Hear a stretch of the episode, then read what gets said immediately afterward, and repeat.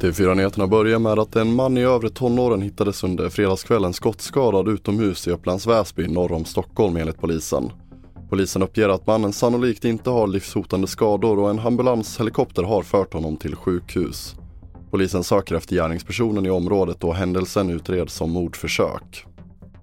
Vi fortsätter med att FNs säkerhetsråd har på måndag ett extra möte med anledning av Nordkoreas senaste robottest. En långdistansrobot som sköts upp igår landade i havet utanför Japan och FNs generalsekreterare Antonio Guterres fördömer den nya uppskjutningen och uppmanar landet att återuppta samtal för en hållbar fred på Koreahalvön.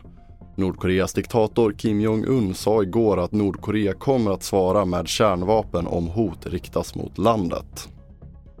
Och så avslutar vi med att under fredagskvällen lyckades ett vildsvin ta sig in på ett McDonalds i Gränbystaden i Uppsala. Ett ovälkommet besök och enligt vittnen ska vildsvinet kommit in i köket genom en ruta och folk tvingades springa ut och en person lyckades sen jaga ut vildsvinet som sen rymde därifrån.